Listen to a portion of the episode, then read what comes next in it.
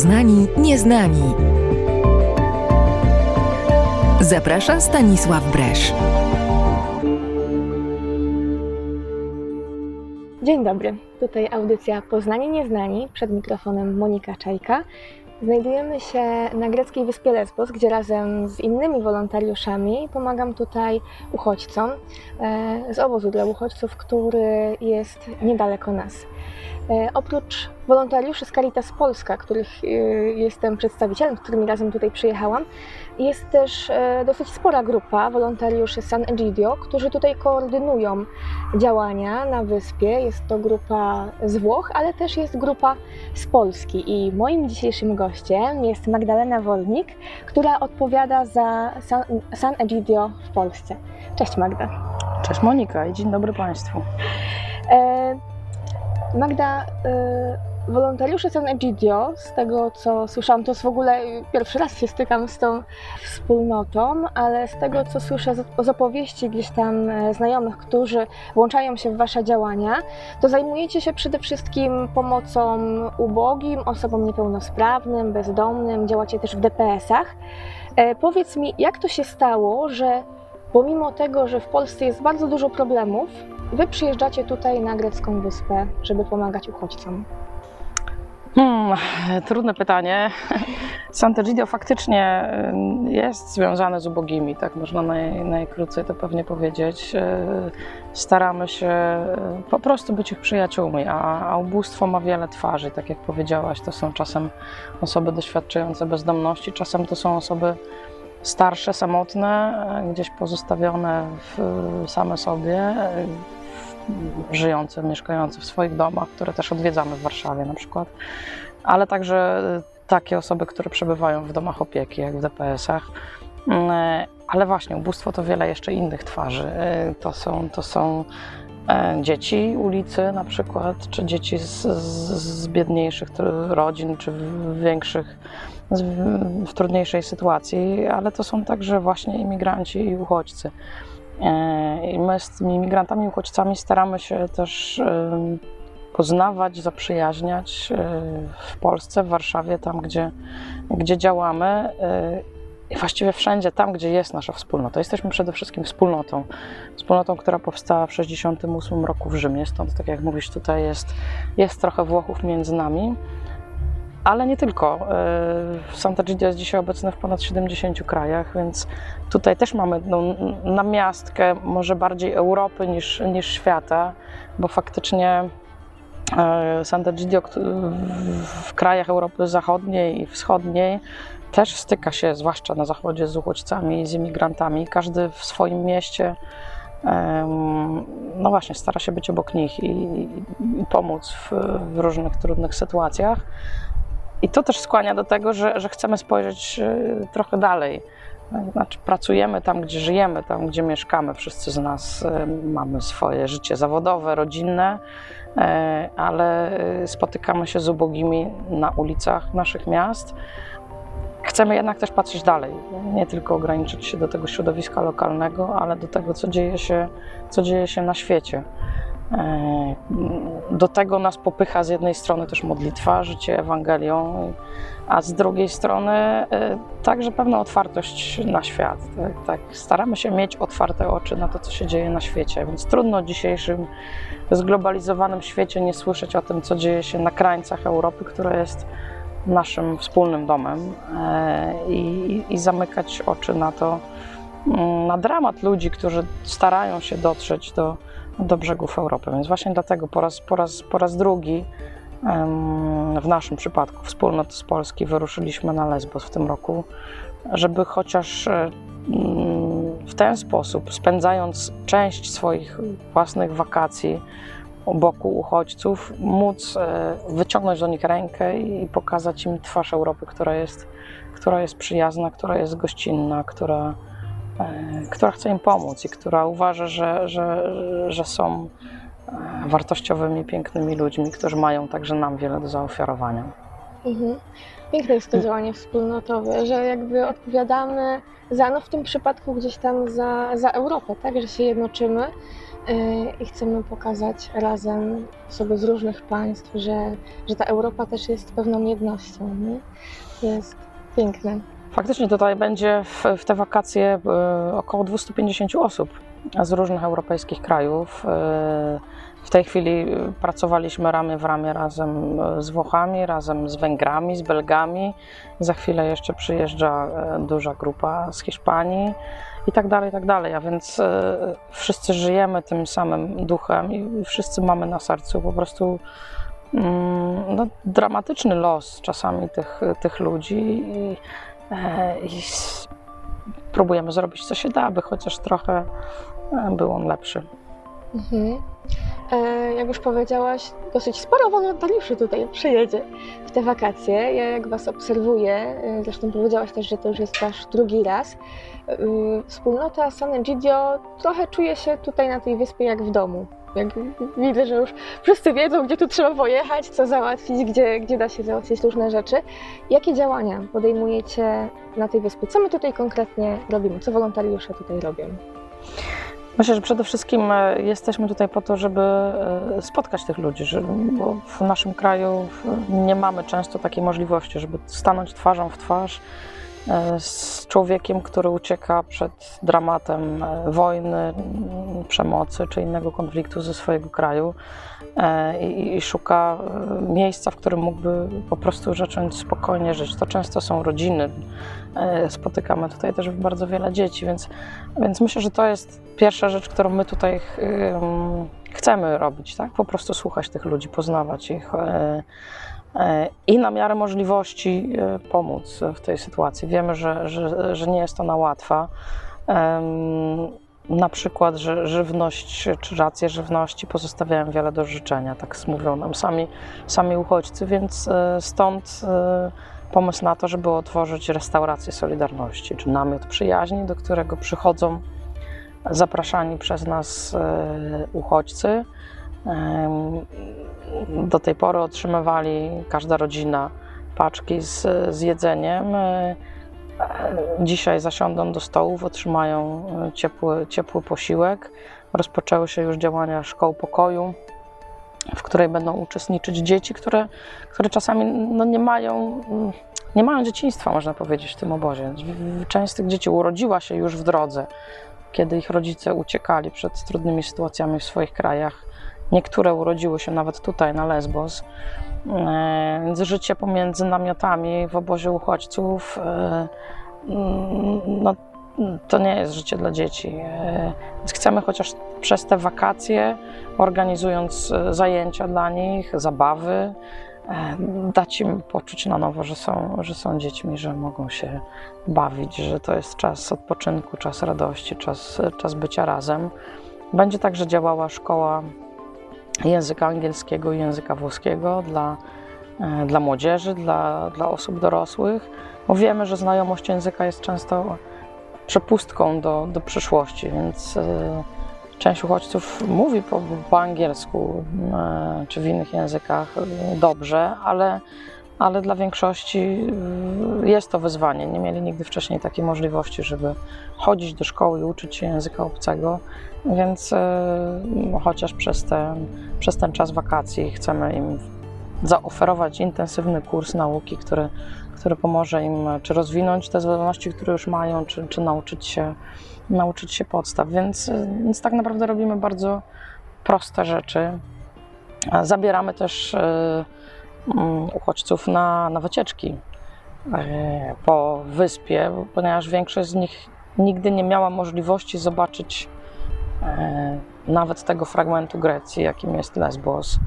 Więc e, taki spokojny czas, kiedy zwiedzamy piękne prawosławne sanktuaria mm, Lesbos, czy po prostu siadamy razem do stołu w restauracji i smakujemy greckich potraw, czy razem się modlimy też w miejscach, które, które przypominają mm, o tragedii wielu osób, którym nie udało się dotrzeć do tej wyspy.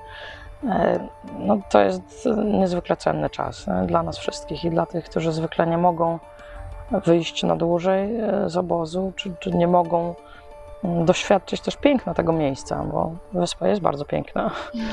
E, ale to bycie razem, takie proste bycie razem jest, jest chyba największą wartością.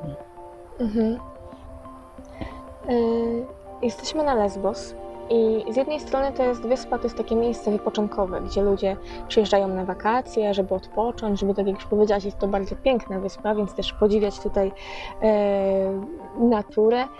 Ym, I z jednej strony mamy tą taką wyspę bardzo wypoczynkową i kojarzącą się z takimi pozytywnymi e, emocjami, przeżyciami, a z drugiej strony tak naprawdę niedaleko nas jest obóz, e, w którym przebywają, mieszkają ludzie i są traktowani, no ja, ja nie mogę powiedzieć, że oni są traktowani, to, to, to, nie jest człowieczeństwo moim zdaniem, tak, bo e, w ciężkich warunkach muszą przebywać.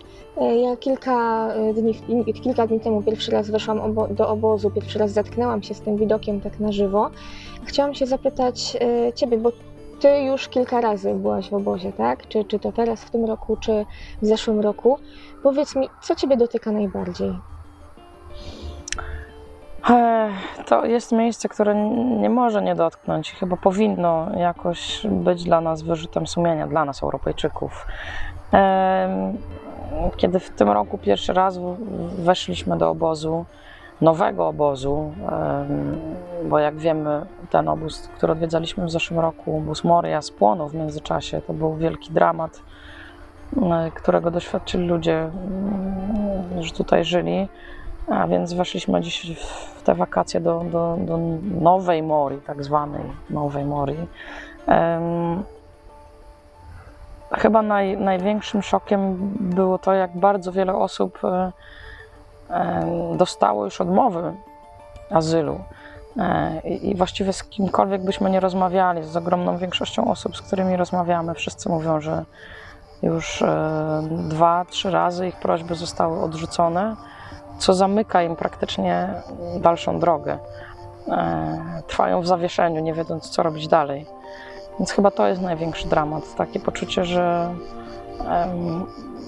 że odrzucamy po prostu tak wiele ludzi, ogromną większość tych, którzy tutaj, tutaj są, a jednocześnie, kiedy, kiedy właśnie jest chwila, żeby z nimi porozmawiać, kiedy mamy szansę zobaczyć, że to są ludzie, którzy, którzy są po prostu tacy jak my, którzy są zdesperowani, którzy uciekają na przykład z Afganistanu.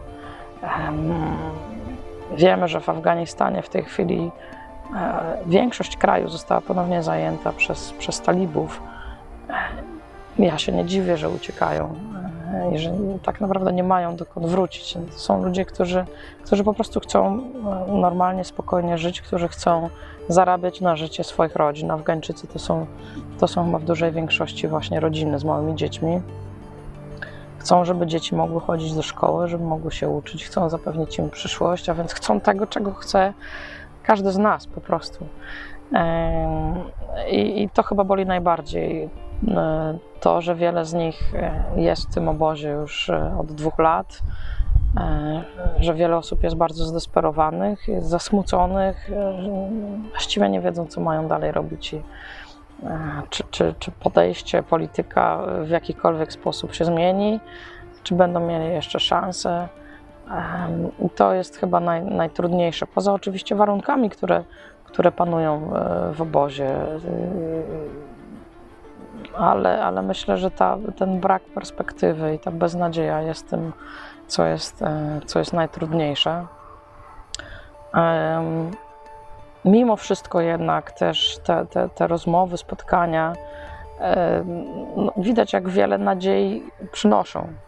Tak? Nawet sam fakt, że już od drugiego dnia, kiedy zaczęliśmy się pojawiać w obozie, e, ludzie jak tylko widzą nasze, nasze błękitne kamizelki czy niebieskie koszulki Caritasu, to wołają za nami ticket, ticket, nawet jeśli nie mówią w żadnym języku, w którym możemy się swobodnie porozumieć. To mogłoby być jakoś, nie wiem, denerwujące. Mhm. Ticket, ticket, ale to oznacza właśnie, jak, jak ważne są te spotkania, jak, jak ważny jest ten, ten posiłek, który możemy zaoferować, jak ważna jest ta paczka z, z dobrym jedzeniem, którą każda rodzina może sobie potem sama e, przygotować. To, e, no,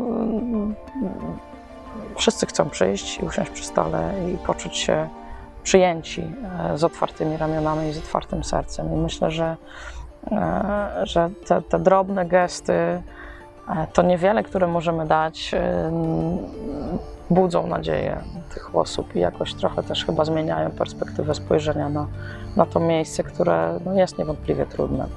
Mhm. Mówisz tutaj o, o zmianie tej perspektywy spojrzenia i rzeczywiście my stworzyliśmy projekt Poznanie Nieznani, bo stwierdziliśmy, że ważne jest, żeby poznać tych, których nie znamy, bo jak, że tak powiem, jak jesteśmy w Polsce, to też często traktujemy, wrzucamy uchodźców do jednego worka i traktujemy ich jak liczby. I ja też z takim, e, tutaj z taką nadzieją przyjechałam i z takim też e, celem, że tak powiem, że rzeczywiście chcę wysłuchać tych historii i, i poznać tych ludzi. Ale nie spodziewałam się, że oni są tak bardzo indywidualni, że to rzeczywiście, ja wiedziałam, że to nie jest jeden worek. Później zaczęło się okazywać, że rzeczywiście to są różne kultury, różne, można powiedzieć, nawet kontynenty, tak? Z różnych kontynentów pochodzą, E, ale też nawet e, jeżeli chodzi o dane państwo, tak? Powiedzmy Afgańczycy, to też każdy z nich ma swoją, ka- każdy z nich ma swoją indywidualną historię. I wczoraj e, rozmawiałam z pewnym panem i to jakby z każdym dniem można powiedzieć, że coś dotyka coraz bardziej, tak? Każda historia gdzieś tam ma na nas jakiś wpływ.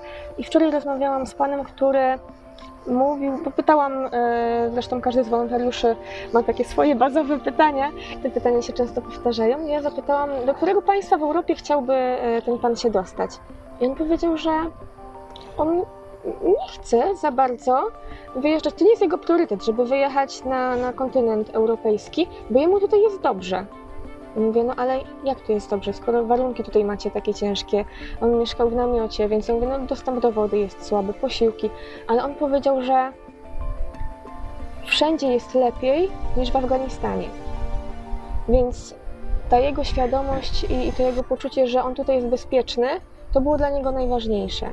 Więc takie rozmowy najbardziej dotykają mnie i, i no, ja byłam wczoraj w szoku.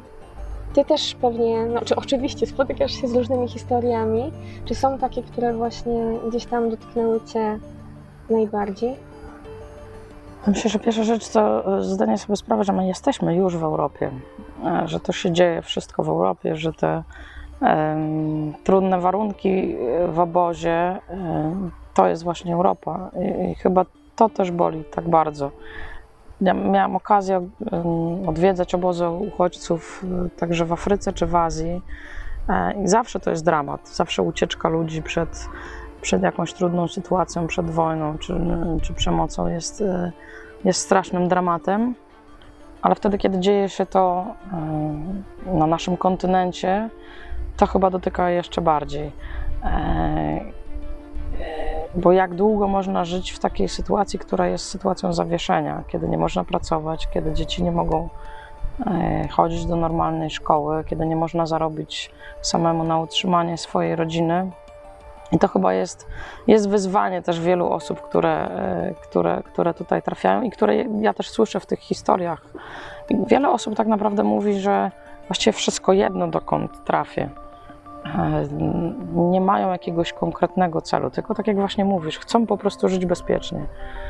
E, I, to, jest, to jest najważniejsze. Wiele osób, z którymi rozmawiamy, opowiadając im też o sobie, bo to jest obopólna relacja. My słuchamy tych historii, ale też opowiadamy, kim jesteśmy, skąd jesteśmy. Zawsze trudno jest powiedzieć, zrozumieć, czy to jest Poland, czy Holand. To jest duże, duże wyzwanie. Tak, ale kiedy już dojdziemy do tego, że jesteśmy z Polski, kiedy możemy troszkę opowiedzieć o, e, o naszym życiu, e, to wiele z tych osób mówi, ja do Polski też bym chciał jechać. Jedna z kobiet e, przywitała mnie e, taką wiadomością, kiedy właśnie dowiedziała się, że jestem z Polski. Mówi: Ja oglądałam mapę Polski, oglądałam zdjęcia Polski w internecie. To jest wspaniały kraj, żyjecie w wspaniałym, pięknym kraju. Faktycznie, może czasem tego nie doceniamy, w jak wspaniałym, dobrym, bezpiecznym e, miejscu żyjemy, miejscu, które daje szansę na, na życie.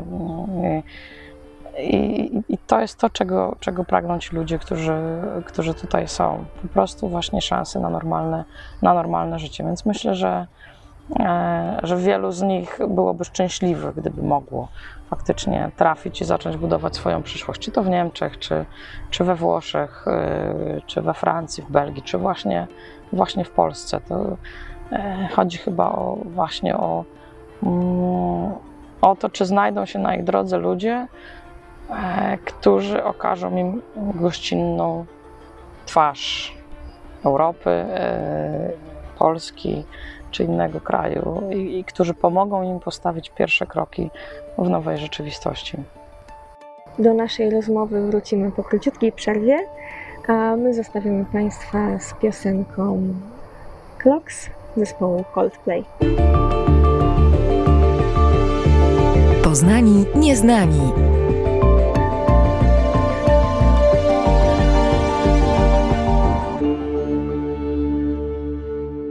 To była piosenka Clocks zespołu Coldplay, a my wracamy po przerwie. Audycja Poznani Nieznani przed mikrofonem Monika Czajka.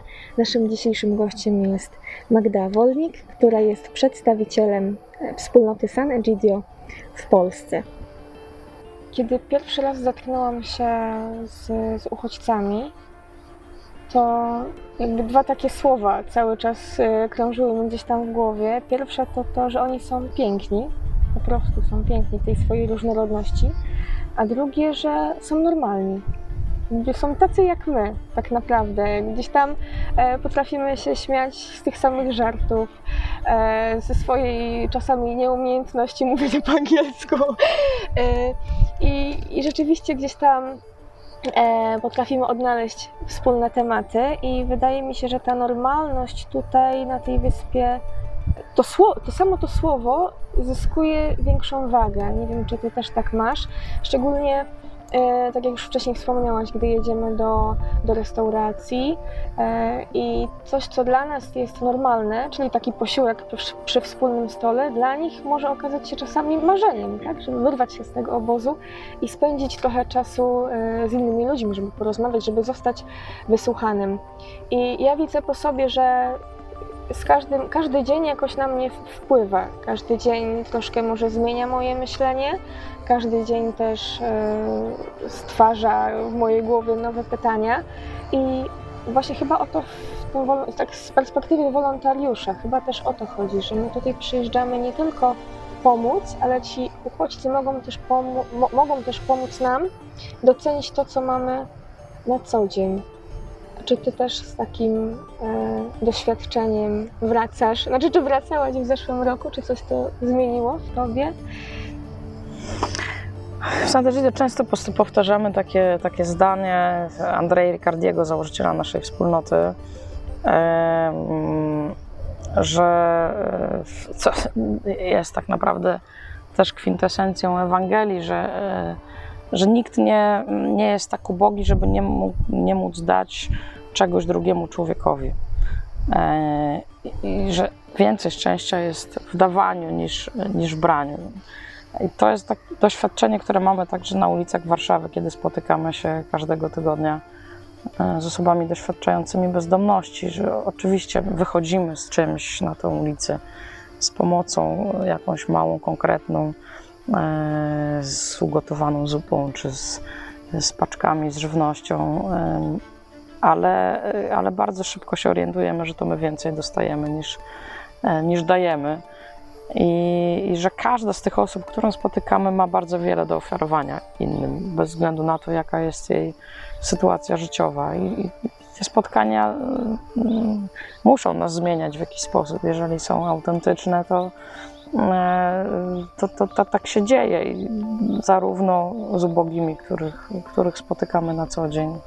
To dotyczy także osób starszych, oczywiście ich bogactwa, ich doświadczenia, ale dotyczy też tych ludzi, których spotykamy tutaj, e, tutaj w obozie. Każdy z nich jest, jest historią, jest tajemnicą w jakiś sposób, jest, jest, e, niesie ze sobą doświadczenie swojego życia, ale też swojego kraju, swojej kultury. E, I kiedy, kiedy krok po kroku odkrywamy to, oczywiście zmagając się z tymi barierami językowymi czy kulturowymi, e, które, e, które próbujemy przełamywać i, To, to właśnie, to tak jak mówisz, odkrywamy, jak bardzo jesteśmy do siebie podobni. Mimo tych różnic oczywistych, które, które nas, nas dzielą i też jak, jak wiele mamy sobie tak naprawdę do zaoferowania. My w zeszłym roku poznaliśmy tutaj Kloda, który był jednym z wolontariuszy pomagających nam e, w czasie wydawania posiłków w restauracji Solidarności. Klod, który, który pochodził z Togo, który e, musiał też uciekać ze swojego kraju ze względu na, na, na dyskryminację i prześladowania na, na uniwersytecie, na którym studiował. E, Wszyscy mieliśmy takie wrażenie, jak wspaniałym człowiekiem jest, jest.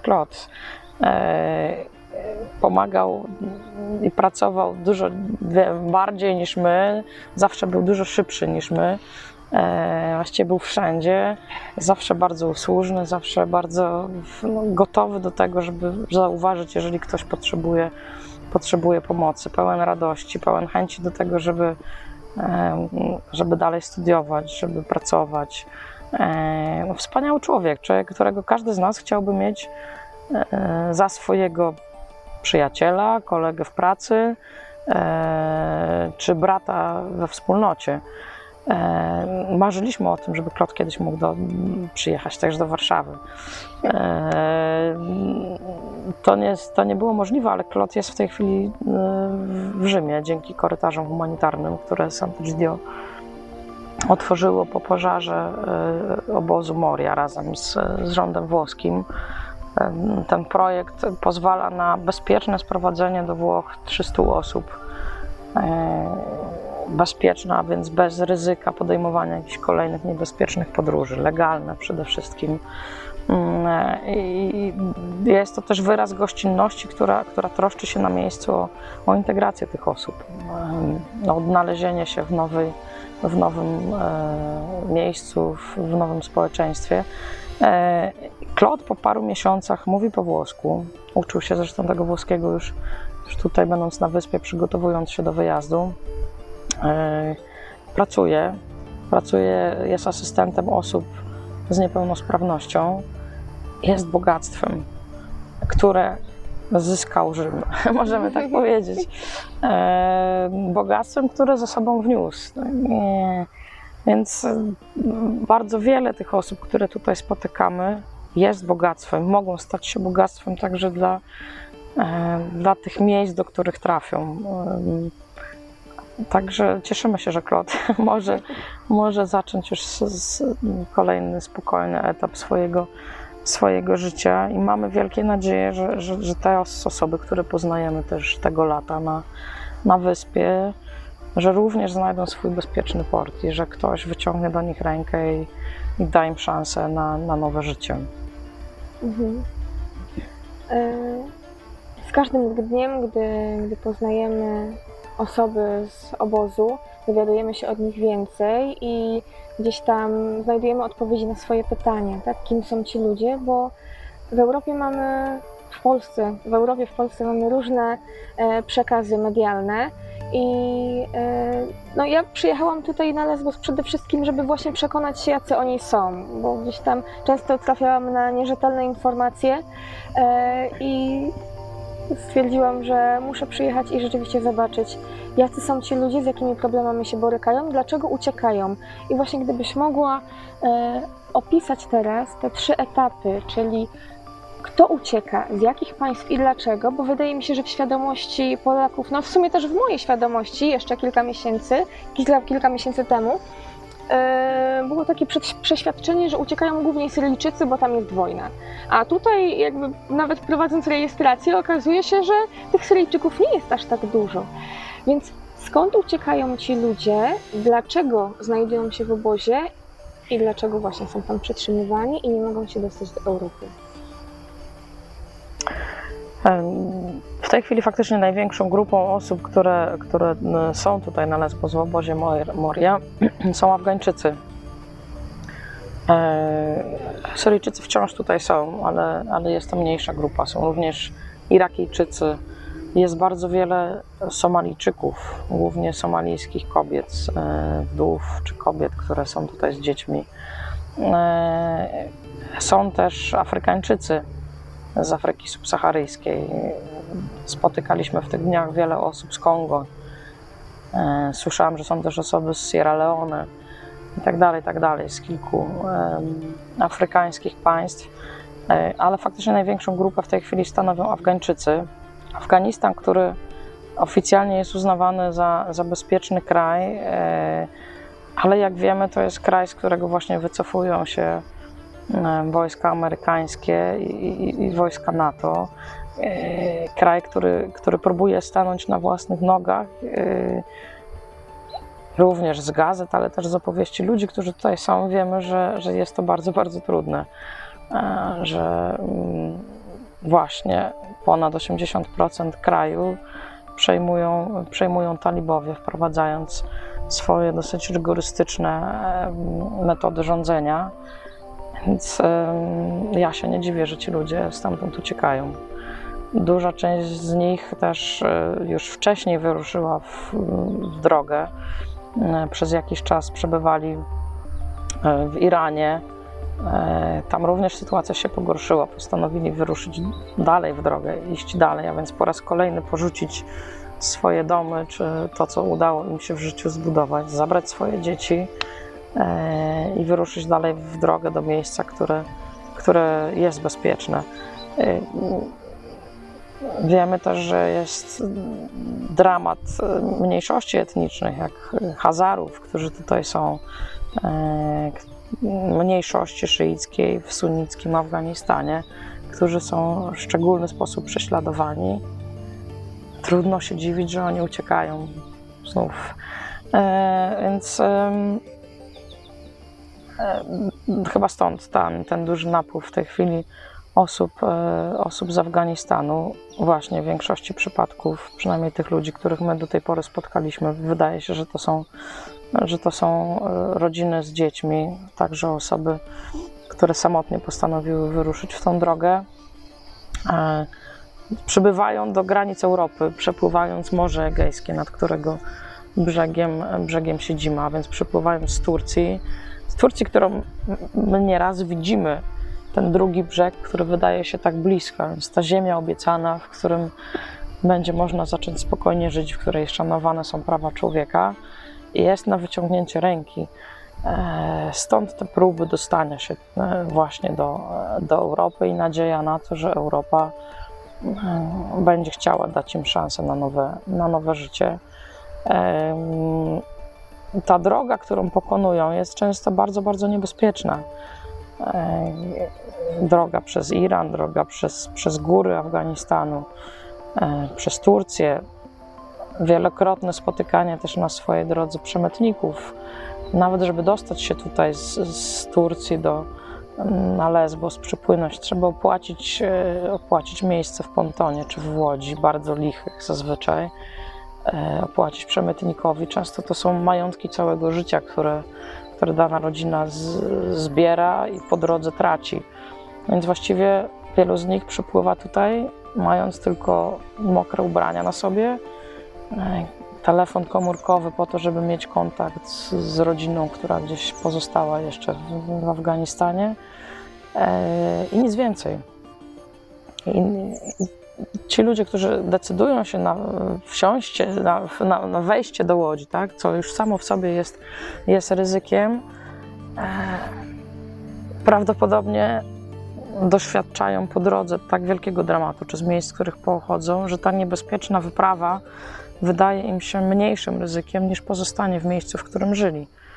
E, e, Więc każdy z tych osób to jest jakiś dramat i to jest trudna historia drogi. Spotykamy dzieci, które są straumatyzowane tym, co widziały po drodze, przemocą, której e, były świadkami.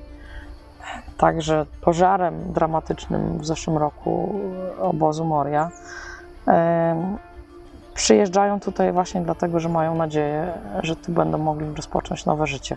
To miejsce, do którego trafiają, jest tak zwanym hotspotem, a więc miejscem, w którym, w którym e, ma miejsce e, procedura przyjęcia ich, e, podejmowania decyzji o tym, co dalej, co dalej, na co mogą liczyć w Europie.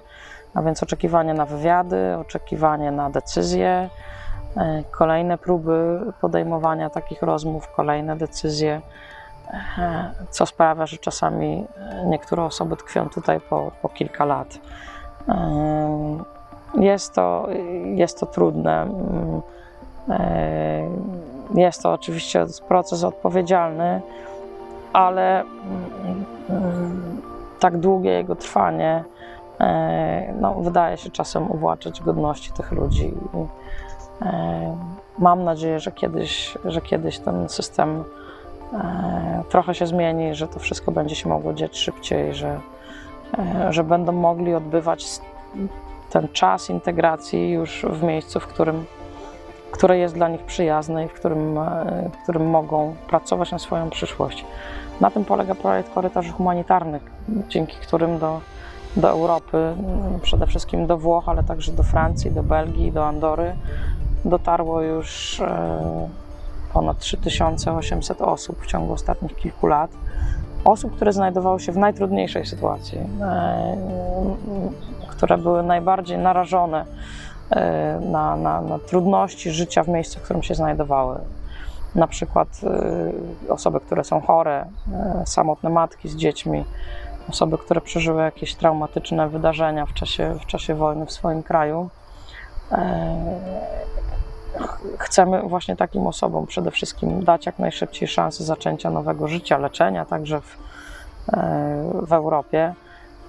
I e, korytarze humanitarne działają w Libanie, działają, działają w rogu Afryki, w Etiopii dla Erytry- Erytryjczyków i, i Somalijczyków. Z Libanu przy, przyjeżdżają do Europy właśnie głównie, głównie Syryjczycy. A więc dalszy ich proces toczy się już na miejscu. W tym czasie mogą jednak zacząć od razu chodzić do szkoły. Dzieci następnego dnia po wysiąściu z samolotu.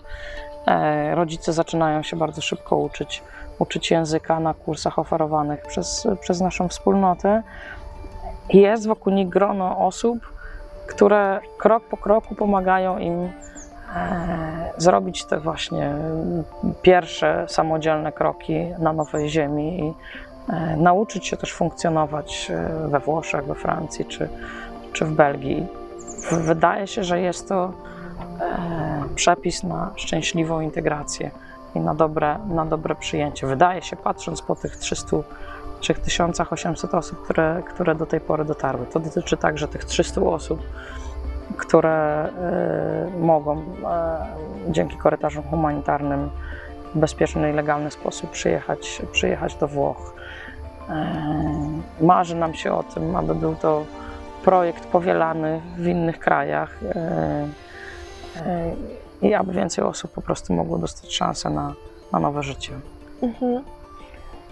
Na korytarze humanitarne, że tak powiem, jednostki nie mają większego wpływu. Ja, taki szary człowiek, za dużo nie mogę zrobić, ale co, jakie działania my w Polsce możemy podjąć? Czy e, jak my możemy pomóc uchodźcom? Na pewno możemy wspierać te organizacje, które pomagają uchodźców, Mm, e, na przykład e, właśnie Caritas Polska czy, e, czy Sant'Egidio. Możemy też się rozejrzeć wokół siebie, czy na pewno nie ma już wokół nas osób, które, które są, mm, pochodzą z innych krajów i są już wśród nas i potrzebują takiego, takiego wsparcia. Możemy też wyrażać naszą wolę przyjęcia. To jest na pewno to co, to, co, to, co możemy zrobić.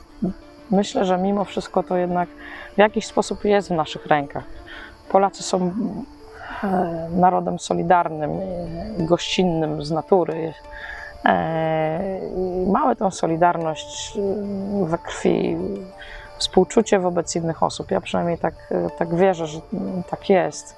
E, I jest bardzo wiele osób, które chciałyby przyjąć u siebie tych ludzi, którzy w nieskończoność krwią w takich miejscach jak, jak obóz uchodźców na Lesbos e, i, i które chciałyby ich wesprzeć mm, w budowaniu swojej przyszłości w Polsce. Więc myślę, że, że to, to możemy robić, przygotowywać się do tego momentu, kiedy, kiedy będzie to możliwe.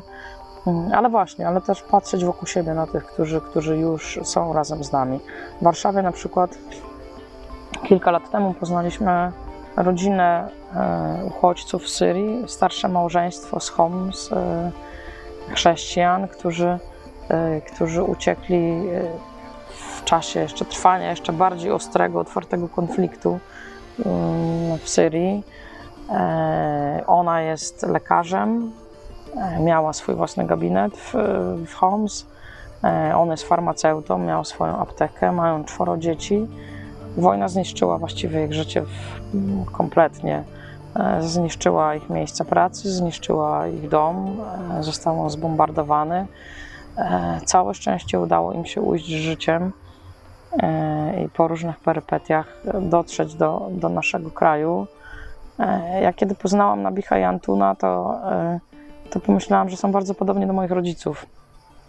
E, Osoby, które są już w starszym wieku, y, które są gdzieś same w obcym kraju, e, którym trudno oczywiście się nauczyć nowego, nowego języka na tym etapie, ale jeśli znajdą się wokół nich ludzie, którzy będą ich wspierać w bardzo prostych rzeczach, w pokazaniu miasta, zabraniu do muzeum, zabraniu na spacer, zaproszeniu do domu na obiad czy na święta Bożego Narodzenia, e, w pomocy w nauce języka polskiego, e, we wsparciu w mieszkaniowym na początkowym etapie, e, czy jakimkolwiek innym, to, e, to jest możliwe poczuć się dobrze w nowym miejscu i, i, i mimo wszystko mieć nadzieję, odzyskać tą nadzieję na to, że życie jeszcze może mieć sens, że może być dobre, że może być spokojne, bezpieczne, że coś nas jeszcze w tym życiu czeka.